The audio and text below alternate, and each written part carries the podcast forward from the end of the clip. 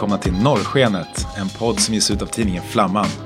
Jag som pratar heter Leonidas Aretakis och veckans gäst är Tobias Hübinette. Han är antirasistisk forskare och aktivist, knuten till Karlstads universitet och Mångkulturellt centrum i Fittja. Hans specialområden är adoption och vad han kallar rasfrågor. I våras gav Carlssons förlag ut hans bok Svensk rasism under efterkrigstiden som handlar om hur vi pratar om ras i Sverige under välfärdsstatens guldår. Där berättar han om diskriminering och våldsamheter gentemot svarta amerikanska turister, mot resande och judar och mot arbetskraftsinvandrare. Och hur Sverige allt mer kommer att anamma ett färgblint och antirasistiskt sätt att prata om olikheter. Han driver idag den skapligt kontroversiella tesen att vi måste börja använda rasbegreppet i Sverige igen för att ta itu med och förstå vår tids konflikter kring invandring och segregation. Vi har försökt ha ett så öppet och rakt samtal som möjligt, men här och där ställer jag frågor utifrån en oro inför vad ett återinfört rasbegrepp skulle kunna innebära. Hoppas att ni tycker om samtalet. Tobias Hübinette, välkommen! Tack! Jag har läst din nya bok, Svensk rasism under efterkrigstiden. Och där skriver du att dagens diskussion om rasism är en direkt fortsättning på de diskussioner om ras som ägde rum under den omedelbara efterkrigstiden. Vad kan den tiden lära oss, menar du? Eh, frågor som, som stöttes och blöttes på den tiden har bäring på hur vi ser på de här frågorna idag.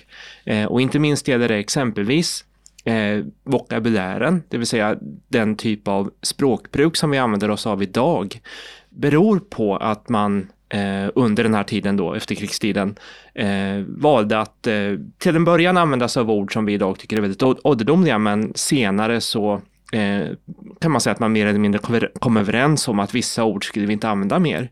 Så det är ett exempel. Ett annat exempel är att eh, diskussionen som pågår idag om invandrare och minoriteter, även faktiskt frågor som rör segregation och diskriminering på arbetsmarknaden och så vidare, de har eh, hörts tidigare.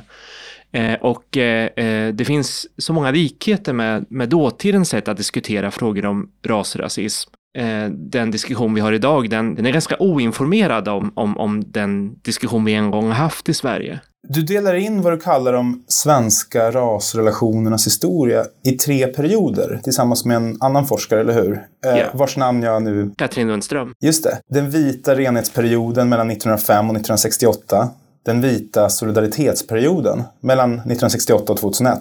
Och efter det eh, beskriver ni perioden som vit melankoli och där är vi än idag. Då. Kan du inte berätta om de här tre perioderna och vad som skiljer dem åt? Ja, eh, Petrin Lundström som då är sociolog och arbetar vid Linköpings universitet. Eh, hon och jag har under de senaste åren utvecklat en teoretisk modell, skulle man kunna kalla det, där vi försöker att förstå eh, svensk samtidshistoria när det gäller frågor om ras, rasism och vithet och svenskhet.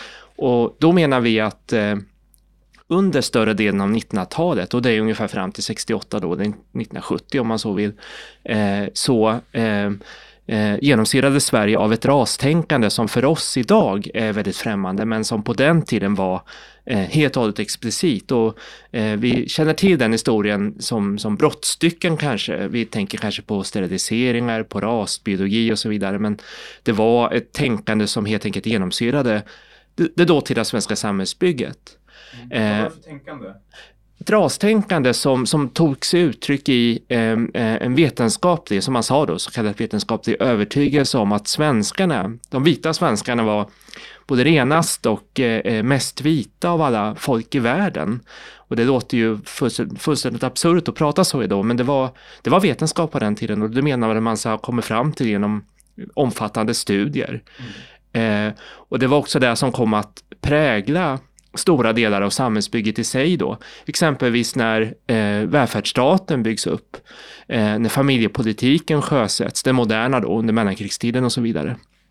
Eh, men sen sker då ett skifte på 60-talet och 70-talet ännu mer då. Och det är då eh, skiftet ifrån den vita eh, renhetsperioden till den vita solidaritetsperioden. Och det, det, den, med den eh, eh menar vi då eh, framväxten av, av det antirasistiska Sverige, skulle man kunna kalla det. Det är väl egentligen lättast att, beteckna det så. Eh, och det är någonting som, som, som börjar redan i början på 60-talet, men som sen trappas upp kan man säga och slår igenom med full kraft först kanske på 70-talet. Och det är det Sverige vi känner idag. Det är det Sverige vi är väldigt stolta över.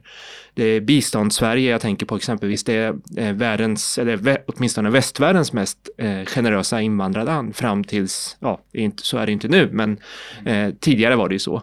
Eh, och då tänker jag framförallt på, på både arbetskrafts och flyktinginvandringen som äger rum då. Mm. Eh, och därefter kommer då eh, den period vi befinner oss i idag, som, som eh, den vita melankolins tid. Då. Ja, den, vi kan väl återkomma till den lite senare. I boken så fokuserar du på perioden 1946 till 1977, eller hur?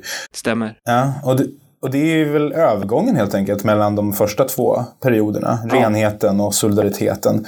Och det sammanfaller ju också med den svenska välfärdsstatens guldålder kan man säga. Ja. Varför valde du att fokusera på just den här tiden? Eh, det är den tiden som på något sätt eh, har avsatt mest spår i vår tid, skulle jag säga.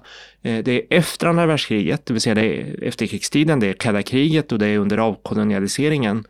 Det är också under en tid när Sverige sakta men säkert blir, går från att vara ett eh, otroligt homogent land till ett eh, allt mer heterogent land. Eh, och det är också under den här perioden då, eh, det är en lång period, det är 30 år vi talar om, eh, som eh, eh, inte minst då frågor om ras och eh, eh, eh, eh, utvecklas på, på det sätt som vi känner det idag. Inte naturligtvis 1946, för då känner vi inte igen det alls, men, men fram emot 70-talets slut så börjar vi känna igen den typ av, av, av, av diskussion som vi har idag kring rasism. Eh, och hela den här tidsperioden då som jag undersökte kulminerar då i det som man på den tiden kallade 1977 års eh, raskravaller. Mm. Just det, ja, men precis. Du, du nämner ju en, massa, en mängd olika eh, exempel på rasdebatter och rasskandaler som du kallar det. Du, liksom, du har ju gått efter det nyckelordet också, alltså när ras omnämns i media, eller hur? Precis. Ja. Yeah.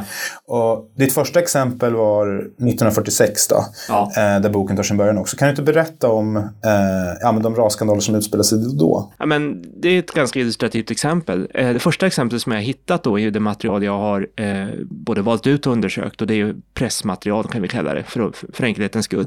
Även inkluderande magasin då, som kunde vara väldigt stora på den tiden. Den första händelsen den äger rum, eh, jag tror det är sommaren 1946 och det är alltså, ja man kan väl säga ett år efter krigsslutet då. Och då är eh, amerikanska flottan på besök i Sverige, eh, om jag förstår det rätt.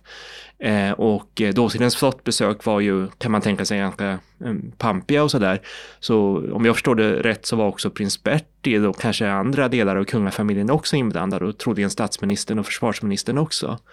Och i samband med det här flottbesöket så eh, äger en händelse rum som, som omskrivs i dåtidens press. Och som kort tror jag skulle kunna beskriva så här att eh, några av eh, de här amerikanska eh, matroserna kan vi kalla dem. Och framförallt då ett, ett antal svarta amerikanska matroser som ingick i flottbesöket. Eh, de eh, festar runt helt enkelt en kväll i, i, i Stockholm med det här då. 1946 års Stockholm eh, och träffar troligen några Stockholmsflickor. Eh, det är så det framgår i alla fall i, i rapporteringen. Och det här det blir en, en, en, eh, en mindre, kan man säga, rasskandal som jag kallar det då. Eh, och en rasdiskussion inte minst på grund av att en socialdemokratisk tidning skriver om den här händelsen som jag nu har försökt att beskriva rätt neutralt då, eh, som någon slags eh, skandalös eh, historia med liksom ganska rasistiska undertoner. Vilket får till följd att andra tidningar då angriper den här socialdemokratiska tidningen och den journalisten då. Eh, och eh, eh det här är, det är ett spännande exempel på att kriget är slut, eh, någonting nytt är på väg att födas, ingen vet säkert vad. Det är, det är 1946, det är bara ett år efter kriget. Och så sker det här då. Och detta är då i ett Sverige som är otroligt vitt och homogent, ska man komma ihåg. Även Norrskensflamman dyker upp här, eller hur? Ja, Norrskensflamman är ju då, eh, som den, den hette då, men den kallades ju också Flamman i, i, i folkmun redan då. Eh, det är en tidning som, som eh, och den tillhör ju då dåtidens, alltså det är SKP då. Eh, eh, eh, det är, det är ju eh, den, en av de tidningar skulle jag säga som brev, jag skulle säga att det är den och Expressen, om jag verkligen liksom ska så pe peka ut eh, pressröster här och redaktioner och tidningshus som allra tydligast eh, för en antirasistisk linje.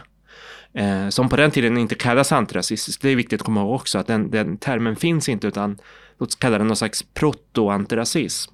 Det vill säga man, man från Norrskensflammans sida exempelvis i det här fallet med, med det som händer då när, när eh, amerikanska flottan besöker Sverige sommaren 46 eh, så håller man hela tiden en, en väldigt klar linje att alla människor är lika värda.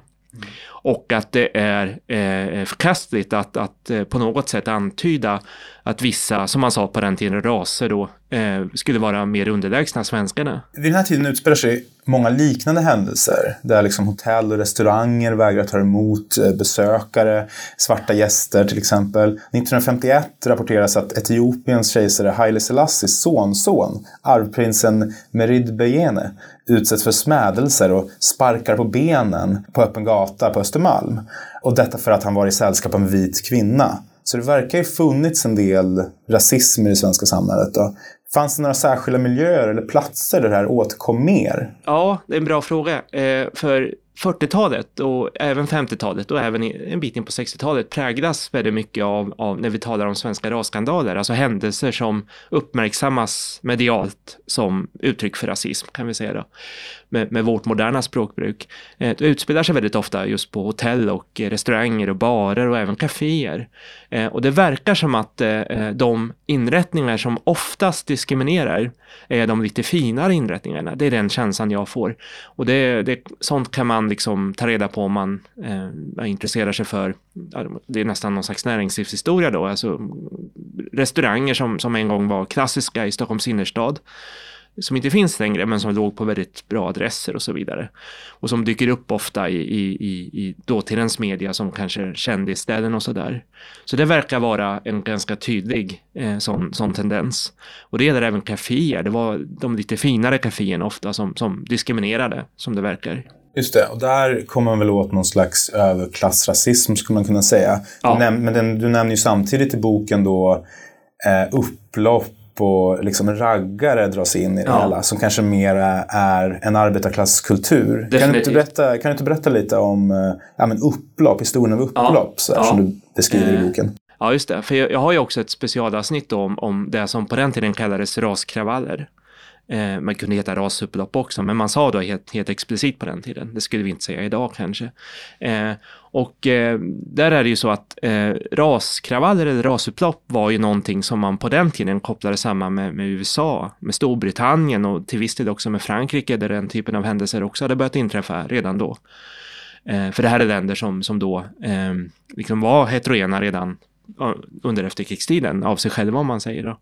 Eh, men, men för svensk del så hette det länge på den tiden att Sverige fick sina första raskravaller först 1977 och de utspelade sig i Södertälje.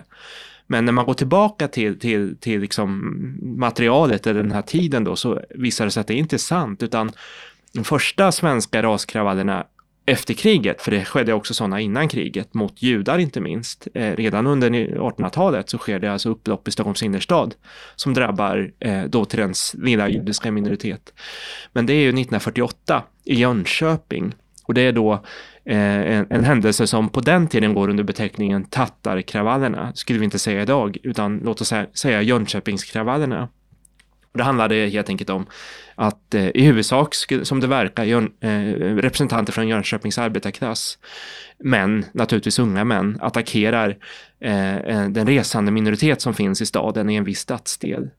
Eh, och sen sker också eh, regelbundet mindre sådana här upplopp runt om i landet när framförallt riktade mot eh, arbetskraftsinvandrarna, jugoslaver det säger vi inte idag, men personer som härrör från före detta Jugoslavien, greker, italienare och även till viss del finländare drabbades. Och 1977 då så exploderade i Södertälje. Eh, det var jättestora rubriker på den tiden och det var det är liksom det stora traumat märker man verkligen under den här omedelbara efterkrigstiden och då är det syrianer och assyrier som drabbas. Vad händer då, alltså rent konkret? Det, det finns någon slags liksom, manus kring alla de här raskravallerna som, för nu är vi inne, när vi är inne på 70-talet, då är vi också inne på, på, på raggar-subkulturen, den, den uppstod i och för sig ännu tidigare. Men det är raggarna, den subkulturen då som var så stor just bland, bland arbetarklassungdomar som, som, som kopplas samman med de här raskravallerna från och med, ja, låt säga början på 70-talet och framåt när de börjar inträffa. Det finns tidiga exempel i Trelleborg exempelvis, jag tror det är 1972. Men det som sker i Södertälje det är liksom det här klassiska manuset i den meningen att det går rykten om att eh, eh, dels är det alltid kvällstid, det är nästan alltid en fredag eller lördagkväll det här inträffar. Så det kan man tänka sig mycket alkohol inblandat och kanske också andra droger. Och eh, det verkar ofta handla om att det går rykten om att eh, utlänningarna som man sa på den tiden, man sa ju inte ens invandrarna, har på något sätt trakasserat eller antastat en svensk flicka. Det är väldigt ofta det det handlar om. Eh, och så samlas då de här unga männen, raggarna, eh, med sina bilar. De kan vara väldigt många och går helt enkelt till attack. Och just i Södertälje så var det, var, det på en nattklubb som, som allt det här startar. Eh, och sen fortsätter då bråket utanför nattklubben och den involverar hundratals sägs det då, eh, om man går till pressmaterialet. Okej, och det här skadar på något sätt eh, Sveriges självbild som antirasistiskt land? Ja, så är det. Fram till 1977 så, så vill man liksom inte erkänna att, att den här typen av upplopp eller kravaller kunde äga rum i Sverige. Även om de ägde rum så var det liksom något annat man, man tänkte sig att det berodde på. Pojkstreck skulle man kunna kalla det idag. Eh, det sker, en, eh, jag tror det är 1975 eller 76 så sker det sådana här raskravaller som involverar just raggare i Västerås i en, i en stadsdel där. Och då heter det i stort sett det. Det är ingen som pratar om att det skulle handla om rasism. Eh, men 1977 så går det liksom inte att undvika att det är det det handlar om. För att det är så tydligt och inte minst när media efteråt intervjuar representanter för raggarna, då är de helt öppna med vad det handlar om. Eh, och det blir ett trauma i den meningen att det här är kanske första gången som, som, som Sverige framställs i övriga världen och framförallt i övriga västvärlden men faktiskt också i det man då kallade tredje världen eh, som ett land som också då hade rasism. Så det här var något som, som var jättejobbigt för Sverige och som Sverige också fick hantera. Eh, dåvarande, en av då, då, de dåvarande socialdemokrat, socialdemokratiska ministrarna besöker, jag tror det är utrikesministern, eh, eh USA kort på och får, får frågor om de här raskravallerna i Södertälje.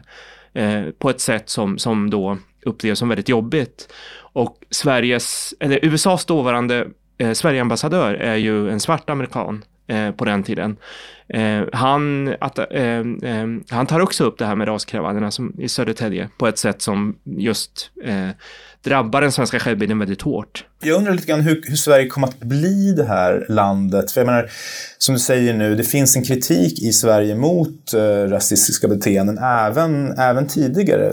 Beskriver ju det, hur det liksom blir debatt i tidningarna, hur Expressen och Flamman kritiserar det här och vissa skickar till och med in insändare, läste jag i din bok. Mm. Att, eh, man skickar in insändare och säger vilka är de här människorna, eh, namnge dem så mm. vi kan liksom se mm. deras antidemokratiska ansikten ja. i princip. Så det fanns ju samtidigt en ja, en eh, ganska stark antirasism mm. också. Så här, hur hur liksom såg dynamiken ut? Var det någon sida som övervägde? Eller?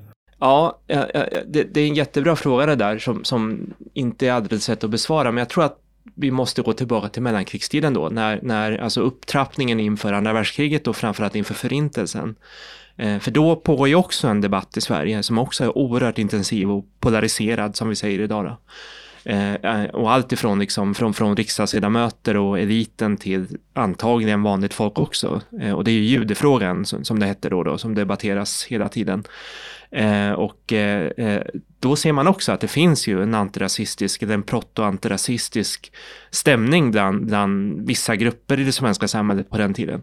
Eh, vissa socialister, kristna, liberaler, det är de grupperna som oftast dyker upp. Men det finns också absolut enstaka exempel bland konservativa också. Eh, när andra världskriget sen slutar så verkar det finnas ett, ett, ett gnagande dåligt samvete att Sverige inte gjorde tillräckligt i den så kallade judefrågan när allting uppenbaras då 1945, när, eh, ja, redan året innan när, när de första lägren börjar öppnas och så. Eh, och när förintelsen är ett faktum för alla. Eh, och jag tror att det är liksom i skuggan av den, den, den både den, den uppenbarelsen och det dåliga samvetet som sätter igång då, eh, som, som den här typen av reaktioner uppstår. Eh, och framförallt då i Flamman och Expressen. Men det kan också vara på DNs ledarsida, där man ibland inte heller skräder orden och, och kan säga rakt ut att vi måste hänga ut de här typerna. Liksom det här, så här får man inte bete sig i Sverige. Mm.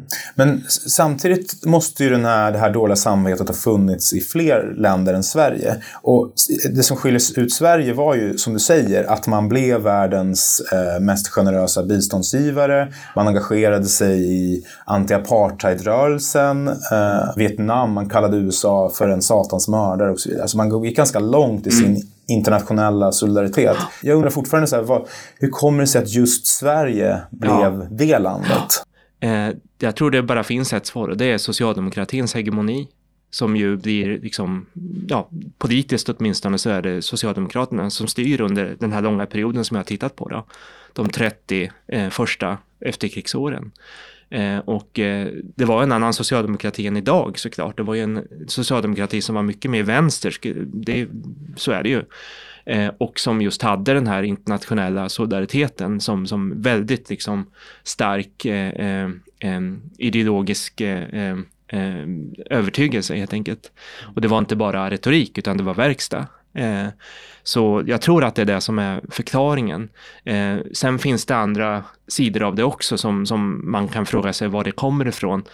Eh, för det, å ena sidan så, alltså det, det, det, det, är ett faktum att rastänkandet satt väldigt djupt i Sverige och så vidare och så vidare och från kanske också hög till låg.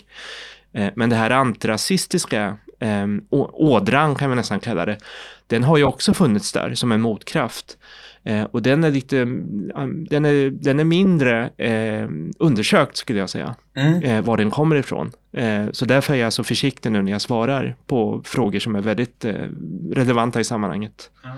Nej, men jag funderar mycket på det där kring hur man beskriver välfärdsstatens framväxt också. För det, det, finns nästan en välfärdskritik som har funnits kanske i några decennier nu inom vissa grenar av forskningen och kanske från anarkistiskt håll eller vad man ska säga. Och du skriver ju också i boken att föreställningen om svenskarna som så här, mänsklighetens rasliga elit mm. präglade välfärdsstaten. Du beskriver lite vad mm. den bestod i tidigare. Mm. Och liksom, jag kan ju reagera på en sån beskrivning också, men det kanske är för att jag missförstår den. Men jag hade ju beskrivit det nästan tvärtom, så att välfärdsstatens universella anspråk är vad som förflyttade värderingarna från 30-talets rasbiologiska mm. tänkande i princip till mm. den solidariska perioden. Alltså det som tar Sverige från A till B. Mm. Att det på sätt och vis är en bragd. Men mm. om man skriver det som att det rasbiologiska präglade välfärdsstaten så låter det som att det sitter väldigt djupt i det snarare än att... Ja, det... Förstår du vad jag ja, menar? Ja, jag förstår. Eh, och kanske skulle jag vara mer försiktig och säga då, det födde med in när, när välfärdsstaten då tar sina första byggande steg och låt oss säga det, att det är under mellankrigstidens sista år. När det liksom börjar hända saker på riktigt och inte bara är liksom i Socialdemokraternas partiprogram. Eh, och sen blommar det ut för fullt då efter kriget och det går ju väldigt fort för då strömmar också pengarna in till landet så det finns möjligheter att göra det här, realisera det. Eh, rastänkandet följer med in i välfärdsstaten, det, det, är väl kanske det bästa sättet att uttrycka det på då. Mm. I den meningen att eh, när eh, eh, tankarna kring välfärdsstaten eh, eh, börjar formuleras Eh, så, så sker det ju, alltså det är 20-30-talet när, när rastänkandet når sin kulmen kan man säga och när även stora delar av arbetarrörelsen och vänstern eh, är en del i det här. Eh, det är ett tankegods som väldigt få, eh, det finns de som gör det, men det, de, de flesta ifrågasätter inte på den tiden. Eh, och då, då blir det liksom eh, någon slags märkligt giftermål då kanske man kan uttrycka det som mellan eh, rastänkandet och, och den här väldigt progressiva välfärdsstaten. Eh, men, men sen blir det naturligtvis något annat efter kriget när, när tiden sen går och när vi sen är inne i 60 och 70-talet då är det ju definitivt så att det, är, det är ett helt annat Sverige. Eh, då lämnar Sverige rastänkandet bakom sig. Är det inte lite så att eh, det finns en paradox här att på sätt och vis den homogenitet som fanns i Sverige kanske till och med bidrog till att Sverige kunde eh, anta så universalistiska principer för välfärdsbygget på ett annat sätt än till exempel man gjorde i USA. Där ju rassegregationen verkligen byggdes in i deras New Deal, deras nya giv, välfärdsprojektet där. Med redlining och en, en massa sådana principer som gör det svårare för svarta att ta del av välfärdsbygget. Eh, och att det sen i sin tur eh, gör att Sverige lyckas bli ett så pass ja, universalistiskt och eh, färgblint eller antirasistiskt land senare. Alltså att en, en, paradox som helt enkelt där eh, homogeniteten delvis kan förklara att vi kunde bli så antirasistiska. Ja, nej men helt klart är det så. Och eh, det är ju ungefär den analys som, som jag också gör då. Eh, och det var också någonting som var väldigt eh, eh närvarande i, i, inom dåtidens eh, socialdemokrati inte minst då. Att man kunde öppet säga det att eh, Eh, den här homogeniteten som vi har i Sverige, det är den som är förutsättningen för att skapa världens mest avancerade välfärdsstat. För att därmed kunna lyfta eh, hela folket in i, i, i i framtiden och framförallt ar arbetarklassen då som ju var, eh, var, var, den grupp det handlade om på den tiden. Eh, och eh, det intressanta är att en av eh, eh, välfärdsstatens arkitekter, eh, en av de två eller tre som man ofta pekar ut som liksom hjärnan bakom välfärdsstatsprojektet, Gunnar Myrdal, eh, som ju formulerar de här tankarna tillsammans med Alva Myrdal och hans, hans fru eller partner eh, redan innan välfärdsstaten existerar, utan det är ju på pappret då. Eh, han, är, han är väldigt tydlig med det här eh, och eh, när sedan Sverige sakta men säkert blir allt mer heterogent genom invandringen så eh, är han faktiskt en av dem som, som tar avstånd ifrån eh, att Sverige tar in invandrare i så hög grad som man gör då. Och då var vi inne på eh, början på 70-talet. Eh, och han gör inte det för att han då är någon slags rasist om vi säger så. Det är inte så att han är någon proto-SD-are utan han gör det eh, för att han är så övertygad om att det är homogeniteten som, som har möjliggjort det här projektet i Sverige. Eh, och därmed så blir han också en, en allt mer marginell figur kan man säga också inom socialdemokratin och arbetarrörelsen. Han har ju till och med skrivit den här rapporten, eller hur? Om rasrelationer i USA. Ja, dessutom gjorde han det. Eh, 1944 kommer han ju ut med den här eh, boken An American Dilemma som ju är den kanske viktigaste eh, eh, studien, för det var ju en vetenskap, han var ju forskare i en vetenskaplig studie om rasrelationerna i USA, där han vänder på steken och säger att det är inte de svarta amerikanernas fel att de är så marginaliserade utan det är det vita Amerika som eh, upprätthåller det här förtrycket och den här segregationen. Och det är det vita Amerika som inte efterlever de värderingar som exempelvis den amerikanska konstitutionen talar om. Just det, men det är ju en antirasistisk eh, hållning. Ja, helt klart. Visst, visst. Men ändrar han sig? Eller, eller äh, menar han att heterogeniteten är fel för att då reagerar de vita på det sättet som man gjorde i USA? Eller vad var han? han var rädd för det. Eh, och han, alltså han, han menade, liksom tror jag Tage Erlander också gjorde, eh, som leder Sverige fram till slutet på 60-talet. Eh, I val efter val segrar ju han då. Båda de skulle jag, skulle jag tro menade det att homogeniteten gör att de allra, allra flesta i Sverige eh, går med på det här, för det är också ett dyrt välfärdsbygge. Välfärdsstaten är ju jättedyr liksom, när den byggs upp. Och för att få med alla på tåget så att säga, inte bara arbetarklassen utan också stora delar av medelklassen och till och med kanske delar av överklassen som, som ändå kan köpa att det är bättre än att det liksom blir revolution och allt vad det kan leda till. Eh, så, så krävs den här homogeniteten. Och eh, eh, när sen eh, eh, allt fler invandrare kom till Sverige och framförallt lite senare då utomeuropeiska invandrare eh, så finns det en farhåga att eh, ehm, eh, det som sen kommer att bli SD då ska kunna växa fram. Eh, och då har man sett att liknande rörelser växer fram i exempelvis Storbritannien bland vita arbetarklass. så det här är ju det är svåra frågor som, som har bäring på alla sätt och vis med, med det Sverige befinner oss i idag och den politiska läge som vi har idag i Sverige. Och liksom samtidigt så beskriver du i boken, det är intressant att det under hela 60-talet pågår en adoptionsdebatt i Sverige och att den delvis utgår från uttalanden som kommer från staten, då, Medicinalstyrelsen som säger citat Tillräckliga vetenskapliga undersökningar föreligger däremot inte för att adoption ska kunna tillåtas i större omfattning, framförallt när det gäller barn till främmande från adoptivföräldrarna starkt skilda rasgrupper. Mm. Och där är det ju inte bara syntaxen som är störande förstås, utan mm. det är en ganska språkligt klumpig mening. Men kan du inte berätta lite grann om, mm. om den här debatten? Vad fanns det för positioner mm. och varför höll den i sig så länge? Ja, eh, det här är då ett citat som du hämtade från eh, DN kan vi säga 1961 och det är ett uttalande från en myndighet som på den tiden var, hade en stor, alltså var en stor auktoritet. Eh, det var Socialstyrelsen delvis kan man säga, för de går ihop sen. Eh, och, och, det var den svenska läkarkåren och medicinska vetenskapen som på den tiden intressant nog hade ansvar för frågor som rörde migration och minoriteter. Och det i sin tur går ju tillbaka till rasbiologins tid eftersom rastänkandet i Sverige var så präglat av det medicinska och naturvetenskapliga tänkandet så var det liksom medicinarnas gebit att ta hand om de här frågorna. Gjorde det omvänt också att det blev medicinska, biologiska liksom perspektiv ja. som präglade deras sätt att tänka kring ja, Helt folk klart. från andra länder? Helt klart.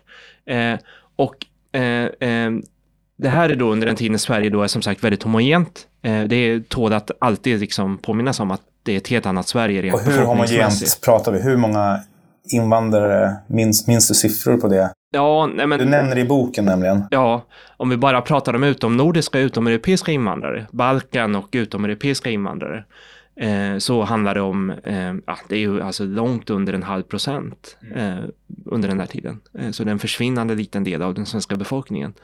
Den här adoptionsdebatten som utspelar sig under 1960-talet, den är, skulle jag säga, den sista striden för det här gamla rastänkandet. Och då är det ju egentligen rester kvar som har överlevt i myndighetssammanhang, bland experter, forskare skulle man kunna säga. Ehm, och eh, på sätt och vis är det ju statens representanter från myndigheter och det fanns också andra myndigheter förutom Medicinalstyrelsen som uttryckte sig så här. Ehm, och eh, dåtidens svenskar och framförallt de unga människorna på 60-talet verkar ha uppfattat det här som, alltså dels kunde de direkt koppla det till förkrigstiden och mellankrigstiden och det rastänkande som hade dominerat Sverige på den tiden. Och dels så upplevde de nog att det började bli väldigt återdomligt att prata så här på 60-talet och inte minst fullständigt förkastligt så att eh, ett yngre garde går till attack emot eh, myndighets-Sverige kan vi säga det då. Det gamla etablissemanget. Eh, och eh, till slut så utmynnar det här i att eh, Sverige blir världens mest adopterande land per capita. Men det tar lång tid. Den här debatten den, den rasar alltså under nästan hela 60-talet. Eh, och eh, det går väldigt trögt. Det är först eh, när Tage Erlander tillsätter en utredning för att eh, eh, undersöka adoptionsfrågan som sen leder till då att Sverige till slut institutionaliserar adoptionsverksamheten. Det är först då det liksom börjar lossna och då är vi framme vid 67-68. Mm. Eh, så det var ett segt motstånd kan man säga från, från eh, de som företrädde det här gamla rastänkandet och som troligen också kanske gjorde det slentrianmässigt. Det är svårt att veta om de var övertygade om att liksom, det här var den rätta inställningen. Men känslan man får när man läser de här, ganska, ja, det är ju hårresande uttalanden då, är att eh, de uppfattade nog det, svenska, det moderna svenska samhällsbygget och, och, och, och, kronan på verket var ju såklart välfärdsstaten som något som krävde homogenitet. Eh, och, och framförallt raslig homogenitet som man sa helt öppet på den tiden. Jag uttrycker ju så som man sa då. Mm. Och eh, om inte den upprätthölls så skulle hela bygget eh, riskera att rasa samman över tid. Det tror jag var själva tankegången. Så den, man kan säga att den antirasistiska positionen här Eh, i den adoptionsdebatten var att liksom vara för adoption. Alltså om man tänker, ja. pratar rent historiskt, ja. hur det utvecklade sig. Eh, det är intressant för samtidigt finns det ju nu, och du är ju en del av den debatten, en, ja. en diskussion om adoption som någonting ja, men snarare negativt. Hur ser du på den dubbelheten?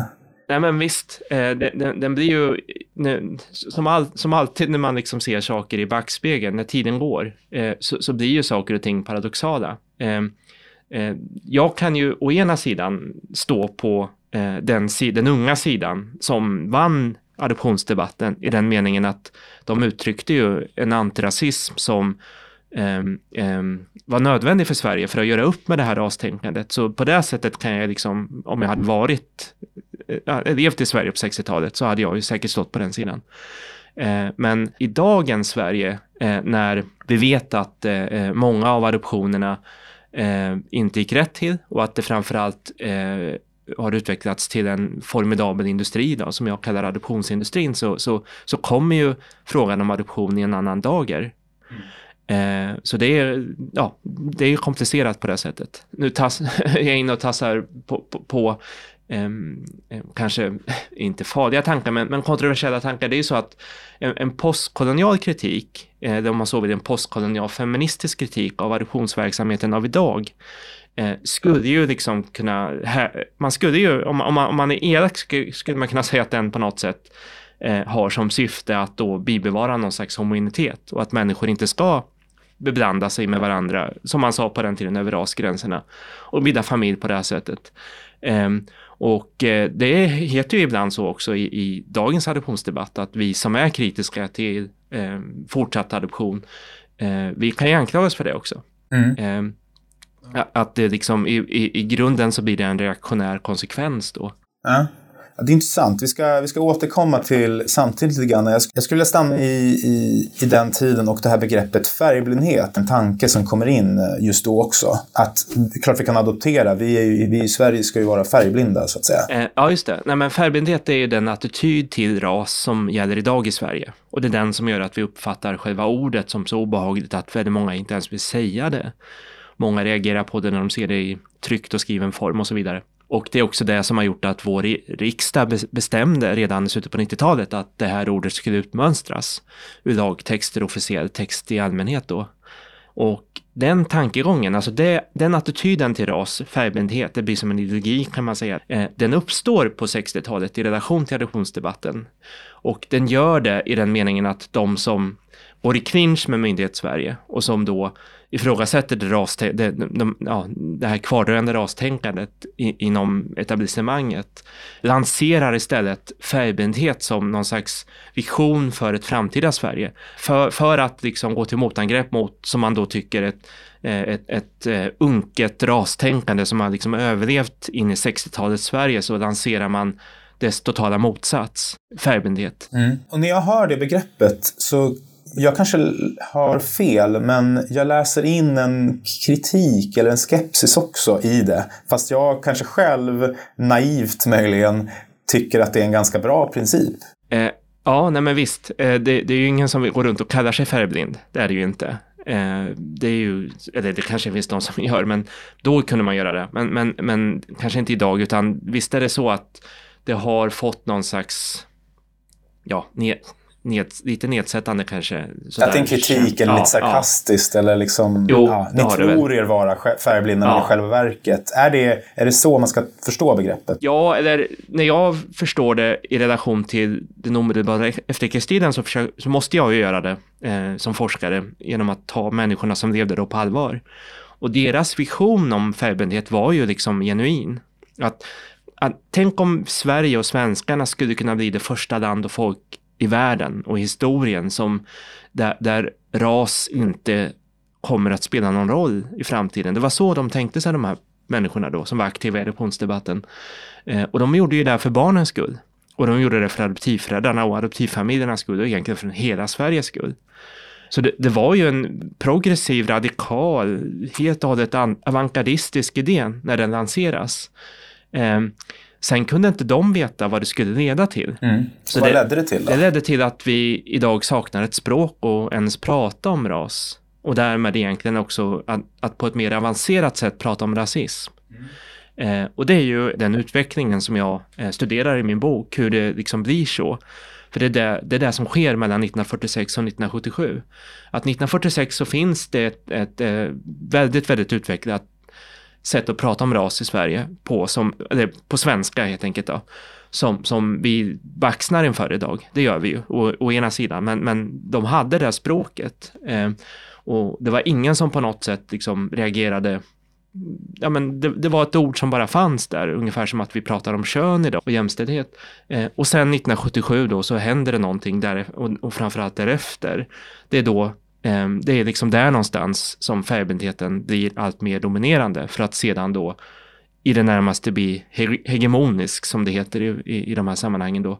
Eh, från och med 90-talet skulle jag säga och framåt. Och du beskriver ju även arbetskraftsinvandrare från Sydeuropa som icke-vita. Ja. Och jag har aldrig tänkt på min grekiska släkt till exempel som icke-vit. Eller mm. att det finns en rasklyfta mellan greker och svenskar. Mm. Bara för att gå till mig själv. Och jag funderade lite på samma fråga när jag läste America Vera Savalas bok Svartskalle. Så här, att jag reagerade på just ordet svartskalle. Jag hade aldrig sett på henne så. Mm. Eh, jag skulle kanske prata om kulturella skillnader och att det finns en massa mellanting och sådär. Att jag som andra generation då ja, är någonstans där mittemellan och så vidare. Men de här otvetydiga kategorierna, vit, mm. icke-vit, eh, tar inte de bort gråskalor? Vad vinner man genom att beskriva de här skillnaderna mellan ja. människor som rasliga just? Ja, just det.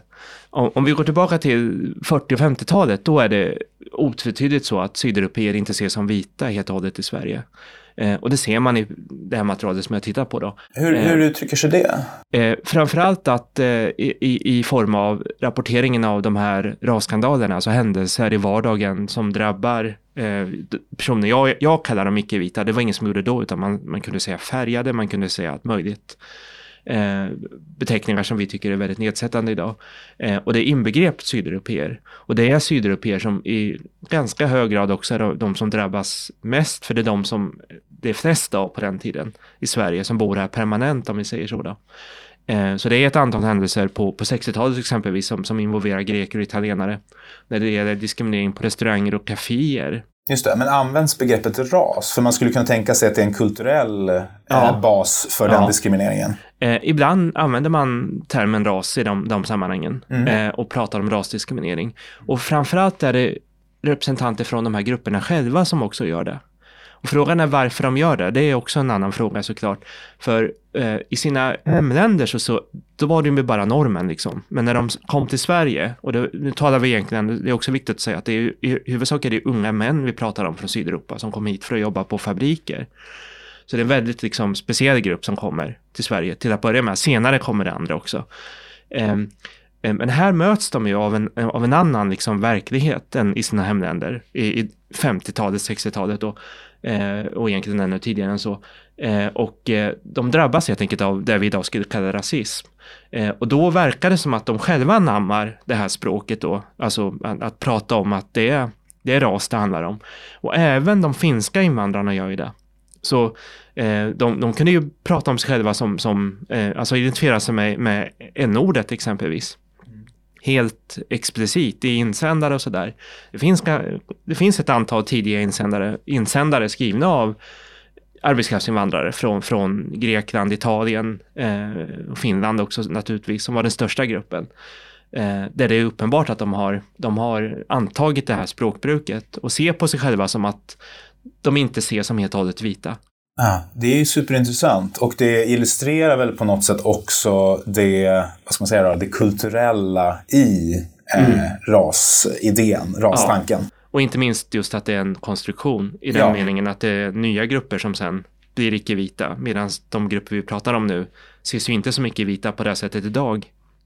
Precis. Ja, och om vi stannar i det då, hur, hur definierar man vithet? Nu har ju den diskussionen kommit till Sverige, kan man ju säga. Mm. Kanske delvis via USA, men det kan vara en gissning från mitt Jo, håll. Men eh, Helt klart. för där pratar man ju väldigt mycket om det och där Ja. finns verkligen den här debatten. De har ett annat samhälle också, Ja. en historia och det finns skäl till det. Men nu har den återkommit hit, så vad betyder då vithet? Vad är det för någonting? Mm. Eh, ja, i, I det här svenska perspektivet och i den ja, bok eller studie som jag har genomfört och kommit ut med så, så, så är det ju på den tiden den svenska vitheten vi talar om. Och det är den här vitheten då som ser sig som mer vit än alla andra. Även i relation till grannländerna eh, och egentligen till hela världen.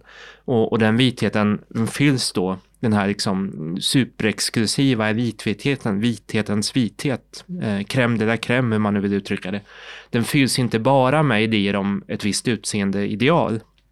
Att svenskarna ser jättevita ut liksom och, och ser helt enkelt bäst ut, utan det handlar också om moral och värderingar. Det är tydligt också på den här tiden.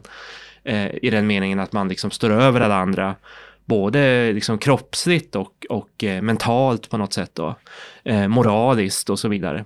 Eh, och det är det som är så speciellt när det gäller det här skiftet då från den vita renhetsperioden till den vita solidaritetsperioden, att det Katrin Lundström och jag menar är ju att de tankarna följer med in i, i det här nya Sverige som växte fram efter 68. Eh, det här liksom, som vi också kallar det, det goda Sverige. Man skulle nästan kunna kalla det tidiga Sverige, det onda Sverige i så fall. I den meningen att eh, den här moraliska överlägsenheten, den verkar liksom kvarstå någonstans. Man släpper det här med utseende och kropp och ras, det här konkreta, naturvetenskapliga, medicinska. Det, det förkastas ju helt klart och på, från officiellt håll. Det, det, det är utan tvivel så. Um, och inte minst efter adoptionsdebatten då. Men, men det här andra, det, det fort, fortlever på något sätt. Mm. Men finns, finns det liksom en, finns en risk här? Alltså att jag börjar tänka på ett visst sätt kring mig själv om, om den här, eh, ja, det här, de här rasbegreppen skulle återvända mycket starkare. Som jag gjorde när jag läste boken och tänkte mm. på grekerna eller när jag mm. hörde titeln Svartskalle. Så här, jaha, ja då, vad är jag det då? Eh, om jag skaffar skägg till exempel, då kanske jag skulle se lite svartmuskig ut, för jag har mm. ganska tätt skägg. Så här. Skulle jag då inte passera som vit? Alltså det, är, det är ett helt nytt sätt för mig att mm. tänka på mig själv mm. som jag inte vet att jag riktigt gillar heller. Eh, finns det, ser du sådana här risker, att man liksom väcker eh, skillnader mellan människor som kanske inte ens mm. eh, de tänkte fanns. Ja, jag kan förstå det motargumentet och det får jag ju höra eftersom jag är en av dem inom forskarvärlden som förespråkar att vi behöver använda rasbegreppet igen. För det blir ju igen då för svensk del. Eh, och jag kan förstå det motargumentet. Eh, att att eh, skulle det ske så skulle det eh, liksom kunna bli så. samtidigt så skulle jag då säga, så, då blir det mitt motargument att Eh, personer i Sverige gemen ser ändå de här sakerna ändå när det väl gäller.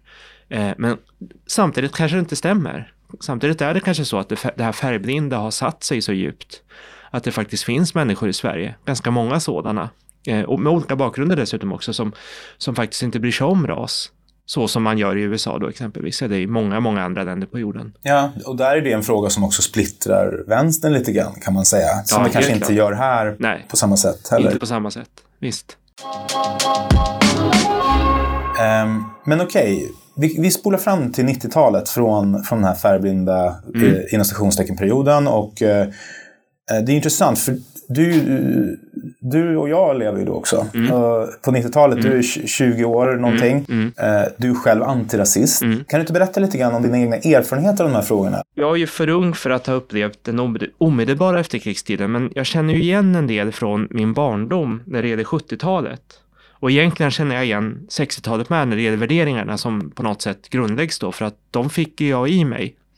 Jag är adopterad från Sydkorea, jag kom till Sverige i början på 70-talet och då har jag ju helt och hållet gått i svensk skola och allt det här då. Så jag har ju bara fått svenskhet i mig om man säger då. Eh, eh, och eh, så, så, jag är ju definitivt eh, en produkt av eh, det jag skriver om. Det vill säga jag fick ju den här färgblindheten eh, i mig. Eh, och den här antirasistiska liksom, ja, attityden, vad man nu vill kalla det, men, men som värdering helt enkelt. Det, det, det, det och det sitter hos mig också. Eh, och eh, jag var också en sån som tidigare, det minns jag själv när jag var ung vuxen och även tonåring och så, kunde säga sådana saker som att eh, ras ska inte spela någon roll och så vidare. Och jag var nog säkert också emot rasbegreppet och själva ordet ras skulle jag tippa på på den tiden. Sen kom ju 90-talet då och då förändras ju allt igen i Sverige. Det blir liksom som ett nytt 60-tal fast i någon negativ mening kan man nästan säga ju. Och det kommer ju smygande, alltså det, det går inte att säga exakt, alltså det, visst går det att peka ut vissa årtal och sådär men, men det som sker för att liksom, för vi, jag tror att vi, det, är det, det är det vi båda syftar på när vi säger 90-talet, det är ju eh, den, den eh, känsla som många av oss som upplevde 90-talet levde med att eh, rasismen återkom till Sverige i form av extremhögern inte minst. Och i, framförallt i form av våld, rasideologiskt våld eller rasistiskt våld. Eh, och nu var ju inte det sanningen. Det, det är ju uppenbart om man läser min bok då, att det var ju egentligen inte så, utan det var ju snarare så att eh, efter 1977 så, så, så försvann liksom den här vokabulären att prata om ras och rasism. Eh, så när 90-talet sen inträder så, så står vi ganska handfallna i Sverige. För att vi har liksom glömt allt som har hänt eh, innan dess. På grund av att vi drog ett streck eh, eh, bakåt i historien när det gäller frågor om rasism. Det är generaliserande att säga så, men mer eller mindre skulle jag säga att det är så. Ehm, och, och, jag kommer ju att uppleva 90-talet som, som ehm, det årtionde då ehm, ja, nej men då jag själv också blev utsatt på ett annat sätt än under uppväxten. Eh, och att det just var på den här ideologiska nivån då. Och jag var ju då aktiv i, i liksom anarkistsammanhang och sådär och det som senare blev AFA, det var inte riktigt där då. Eh, men det är ju inget att sticka under stol med och eh, senare då, lite, ja, eh, så, så var jag med och startade Expo och jag var väldigt aktiv i 90-talet då, under, under 90-talet i, i antirasistiska och antifascistiska sammanhang kan man säga. Skulle du vilja berätta lite om vad ni använde för metoder och liksom vad det ledde till? Och... Ja, eh, men till en början då så, så, så tyckte jag väl som alla andra på den kanten då, alltså på, på, inom den radikala vänstern, man hade rätt att göra det som de gjorde så att säga. Eh, utöva våld, eh, kartlägga, hänga ut och så vidare. Och med alla medel försöka stoppa den här rörelsen. För det, nu pratar vi alltså om en högerextrem rörelse. Vi pratar inte om individ... Det är inte SD i dagens tappning. Nej. Det var SD då, ja, helt och, Ja, det, det, gör vi. Och vi pratar också om, om, om grupper som själva kallade sig nazister, nationalsocialister. Och vi pratar heller inte om eh, Svensson som kanske röstade på Ny Demokrati och uttryckte sig rasistiskt. Det, det, är inte de jag syftar på. Gatukrigare ja, som är ja, skinheads det, och ja, eh, det, letar efter invandrare att slå ner. Ja, eller homosexuella. Ja. Eller, eller vänster, vänstermänniskor då. Eh, och, och sen fortsatte jag ju med den inställningen när vi startade Expo också då, att det, det, det, det var rätt att, att skriva om dem och, och, och avslöja dem och så. Det tycker jag väl fortfarande att det är. Eh, Medan det här med våldsamma metoder, det försvann ju ganska snabbt från, från min sida sett genom att jag, ja, jag hamnade i medievärlden genom Expo då. Mm. Eh, och och, och eh, lämnade väl på det här sättet aktivistvärlden. Eh, men i efterhand så är det ju bara att konstatera att det inte hjälpte. Så är det ju om man tittar på SDs eh, framväxt sen eh, under 00-talet och 10-talet. Kan man dra den slutsatsen helt och hållet? För jag menar den, den 90-talets version av SD och i bredare bemärkelse de högerextrema ja. miljöerna. Ja. De eh, försvann ju delvis. De är ju inte en maktfaktor idag. Nej. De går inte runt på stan Nej. och slår folk och så vidare. Alltså det var en rörelse som ändå försvann. Och det, det är SD, SD som har kommit fram. Jo. Det är ju snarare, det är en annan rörelse delvis. Det är ju, de har ju kammat sig och jo. skaffat slips jo. och pratar inte riktigt lika radikalt. Nej. Och det är ju så de har kunnat bli så breda. Ja. Och mot en sån rörelse då är det klart att då fungerar inte de där metoderna. Då ringer man hem till någon och säger Vet du vad, din son är med i SD. Ja, det är jag också. Ja, ungefär så. Det, hjäl det Nej. hjälper ju inte. Nej, det gör det. Eh. men du har rätt i det att eh, den här våldsamma nazistiska gatimiljön som i det närmaste var SD, för det är ju lika bra att liksom prata rakt ut här mellan oss nu. Eh, och, och, det är ju allom bekant för alla som upplevde 90-talet att det var så. Eh, den är ju borta från gatorna eh, med undantaget NMR då, Nordiska motståndsrörelsen och vissa andra väldigt små grupper eh, som kan finnas på lokalt håll. Eh, men i övrigt är ju den bortsopad från gatorna eh, och finns den så finns den i så fall på nätet. Eh, så, och istället har vi då SD. Och om man då tittar på, på röstsiffrorna som SD fick på 90-talet så var ju de, de var ju minimala. Eh, och sen är det svårt att säga hur mycket den antifascistiska rörelsen och vänstern, eh, liksom, om det går att sätta upp det på, på, på dess konto så att säga. Eh, men det är möjligt att det, det, det går att göra det till viss del. Eh, och sen byter SD kläder som du säger då. Eh, och det sker ju runt millennieskiftet. Det är en lång process, alltså inom partiet, eh, som, som tar lång tid. Men till slut så är de i riksdagen. Alla de här tre faserna som vi pratar om. om. Om, vi nämner då raskravallerna, om man ska kalla det för, 1977 mm. och om vi nämner 90-talets högerextrema eh, återkomst, ja. SD nu. Mm. Så alla de här tre händelserna har påverkat svensk eh, självbild, ja. man kunna säga. Ja, Titta vad som händer i Sverige. Och, Genomgående, eh, visst. Och liksom vad, vad gjorde det med den svenska ja, självbilden? På ett sätt så finns det ju likheter i den meningen att 1977 års raskravaller, det, det är där jag slutar min bok då, Eh, de, de lyckas man parera genom att eh, året på exempelvis så tillsätts den första statliga utredningen som handlar om rasism i Sverige. Eh, eh, och eh, ganska snart i början på 80-talet så växer ju den, den, organiserade moderna antirasismen fram i Sverige. Det är då liksom svenskar i gemen, framförallt unga människor, börjar kallas antirasister. Det fanns inte riktigt som identitet innan dess. Så 1977 års raskravaller sätter verkligen igång någonting. Eh, både från officiellt håll och om man så vill folkligt håll och så. Eh, och de olika politiska partierna tar till sig någon slags antirasism på ett väldigt tydligt sätt efter 1977 års raskravaller. På 80-talet är det ju Rör inte min kompis-kampanjen exempelvis som samtliga partier, inklusive Moderaterna, eh, deltar i kan man säga, eller på olika sätt. Och framförallt så kan man se partiledare från alla riksdagspartier på den tiden eh, stötta den här kampanjen. Eh, så, så det är liksom så Sverige parerar Eh, 1977 års raskravaller. 1990-talets högerextrema våg, den hanteras väl på lite olika sätt då, men, men framförallt så sker någonting i slutet på 90-talet och det är ju när de stora dagstidningarna hänger ut eh, ett antal hundra nazister framförallt då.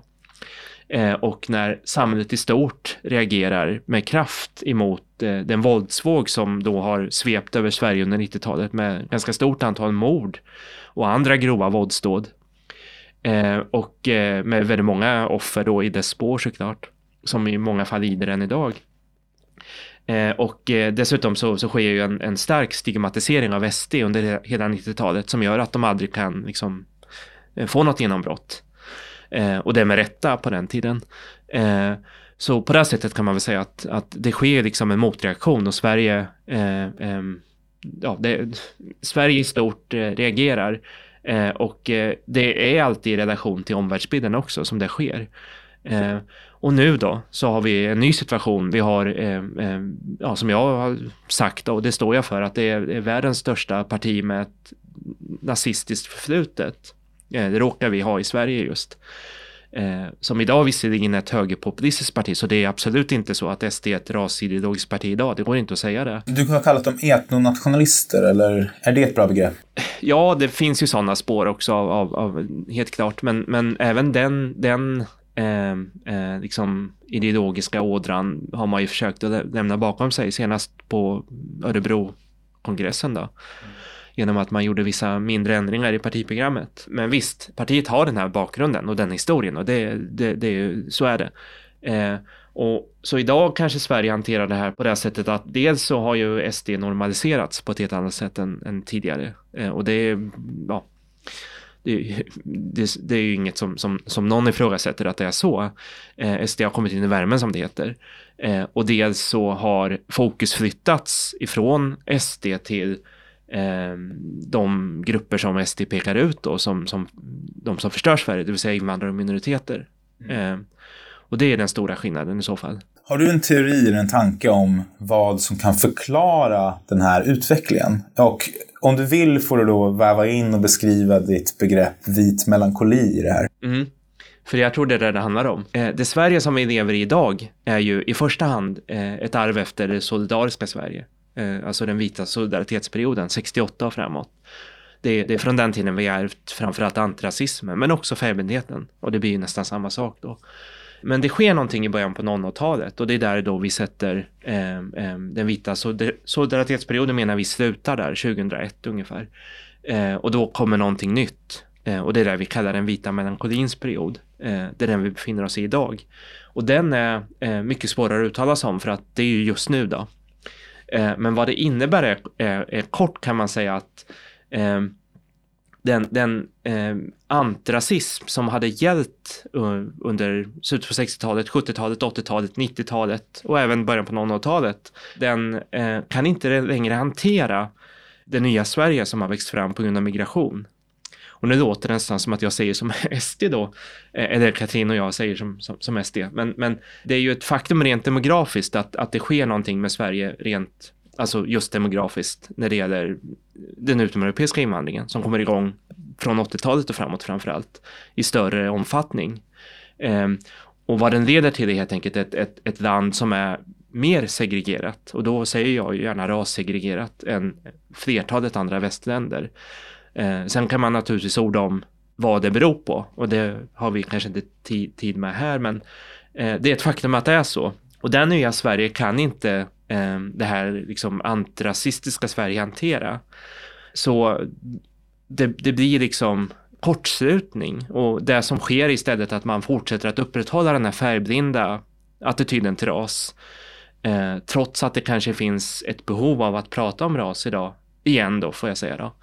Eh, med tanke på hur Sverige ser ut just nu när det gäller orättvisor och klyftor. Eh, eh och eh, eh, samtidigt så växer då SD fram i skuggan av det här. Och hämtar sin näring ifrån dels det här gamla Sverige eh, som ju försvinner på 60-talet. Eh, det här vita Sverige som man då vill tillbaka till på något sätt, homogena Sverige.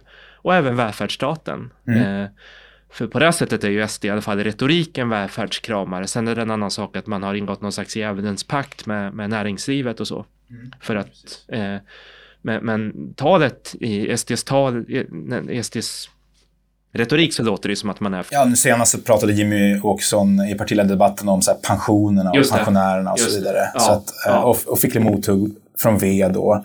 Så att eh, där då båda de två partierna mm. väljer att prata då mm. om pensionärer som mm. utsatt grupp och så vidare. Visst. Mm. Men det leder oss in på eh, någonting som jag tänkt på, det är att det var väl inte, var det bara en antirasism och en färgblindhet det var ju också, en, det var också ett välfärdssamhälle som var universalistiskt. Ja. Och att eh, den här eh, färgblindheten kanske ekar tommare idag Mm. eh, när den inte följs upp med universella program Mm. som ja, hjälper oproportionerligt mycket Mm. människor som bor i ja, utsatta förorter och som kommer från andra länder. Mm. Eh, eh, se, vad, skulle du liksom, vad skulle du svara på det, vad ska man säga, vänster Jo, eh, argumentet då. Ja. Att eh, det, är liksom, det är de här universella anspråken, eh, välfärdsanspråken. Mm. Det är de framförallt som saknas. Inte retoriken, den färgblinda retoriken. Den har ju sossarna kvar. ja, visst. Nej, visst. Nej, men jag håller med om det. Eh, jag håller helt med om det. Och och eh, när de utomeuropeiska invandrarna, de är ju framförallt flyktinginvandrare och anhöriginvandrare, börjar komma i större mängder så att säga från och med 80-talet och sen ännu mer efter kalla, kalla krigets slut, så kommer de till ett helt annat Sverige eh, som då har nyliberaliserats. Eh, och det sker under 90-talet successivt och blir ännu mera då, eller kulminerar kan man säga på 00-talet med, med alliansregeringarna, 10-talet också.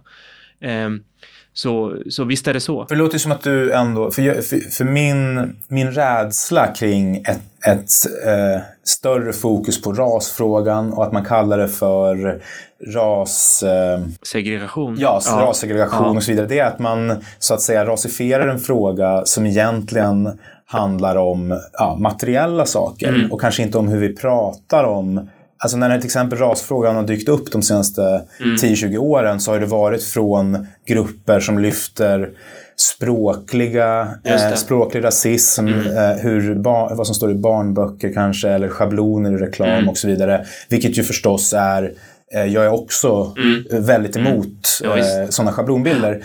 Men att det är just sådana frågor som tenderar att lyftas fram Jo. när man också lyfter fram eh, rasbegreppet.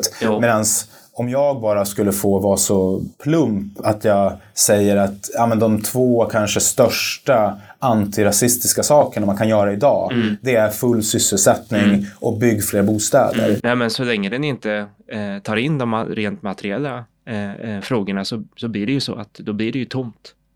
Eh, för det hjälper ju inte eh, den stora massan av invånarna som är eh, kraftigt marginaliserade med utomeuropeisk bakgrund framför allt att diskutera frågor som rör rasstereotyper i, i barnböcker, är Det ju.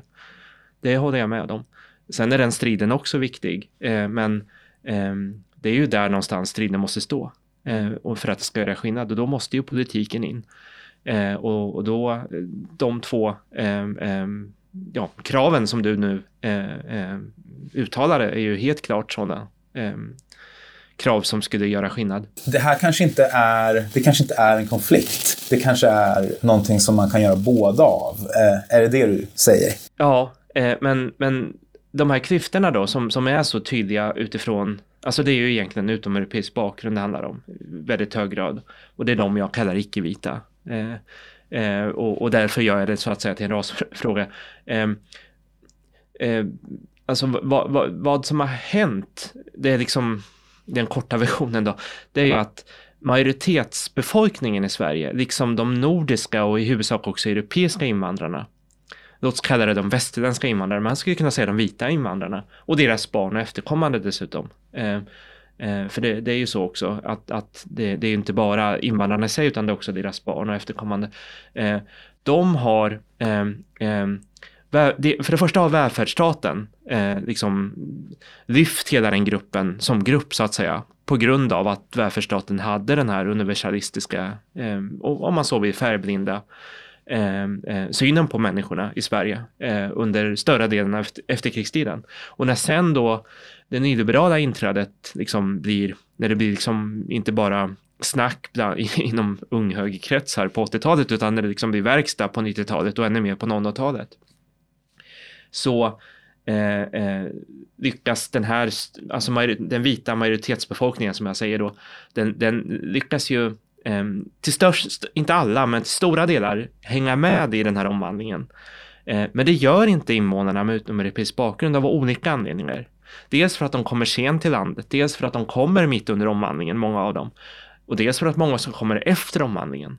Och nu står de där, liksom, eller de, nu bor de där i huvudsak kraftigt koncentrerade till förorter, då, miljonprogramsområden. Och, och har liksom hamnat utanför, de har missat tåget flera gånger om om man så vill. Um, och, och, därför tror jag att de här klyftorna är så extrema just i Sverige. Um, och, och, och, för att vända det här, för att liksom lyfta den gruppen också, åtminstone till drägligare förhållanden än vad de lever under idag.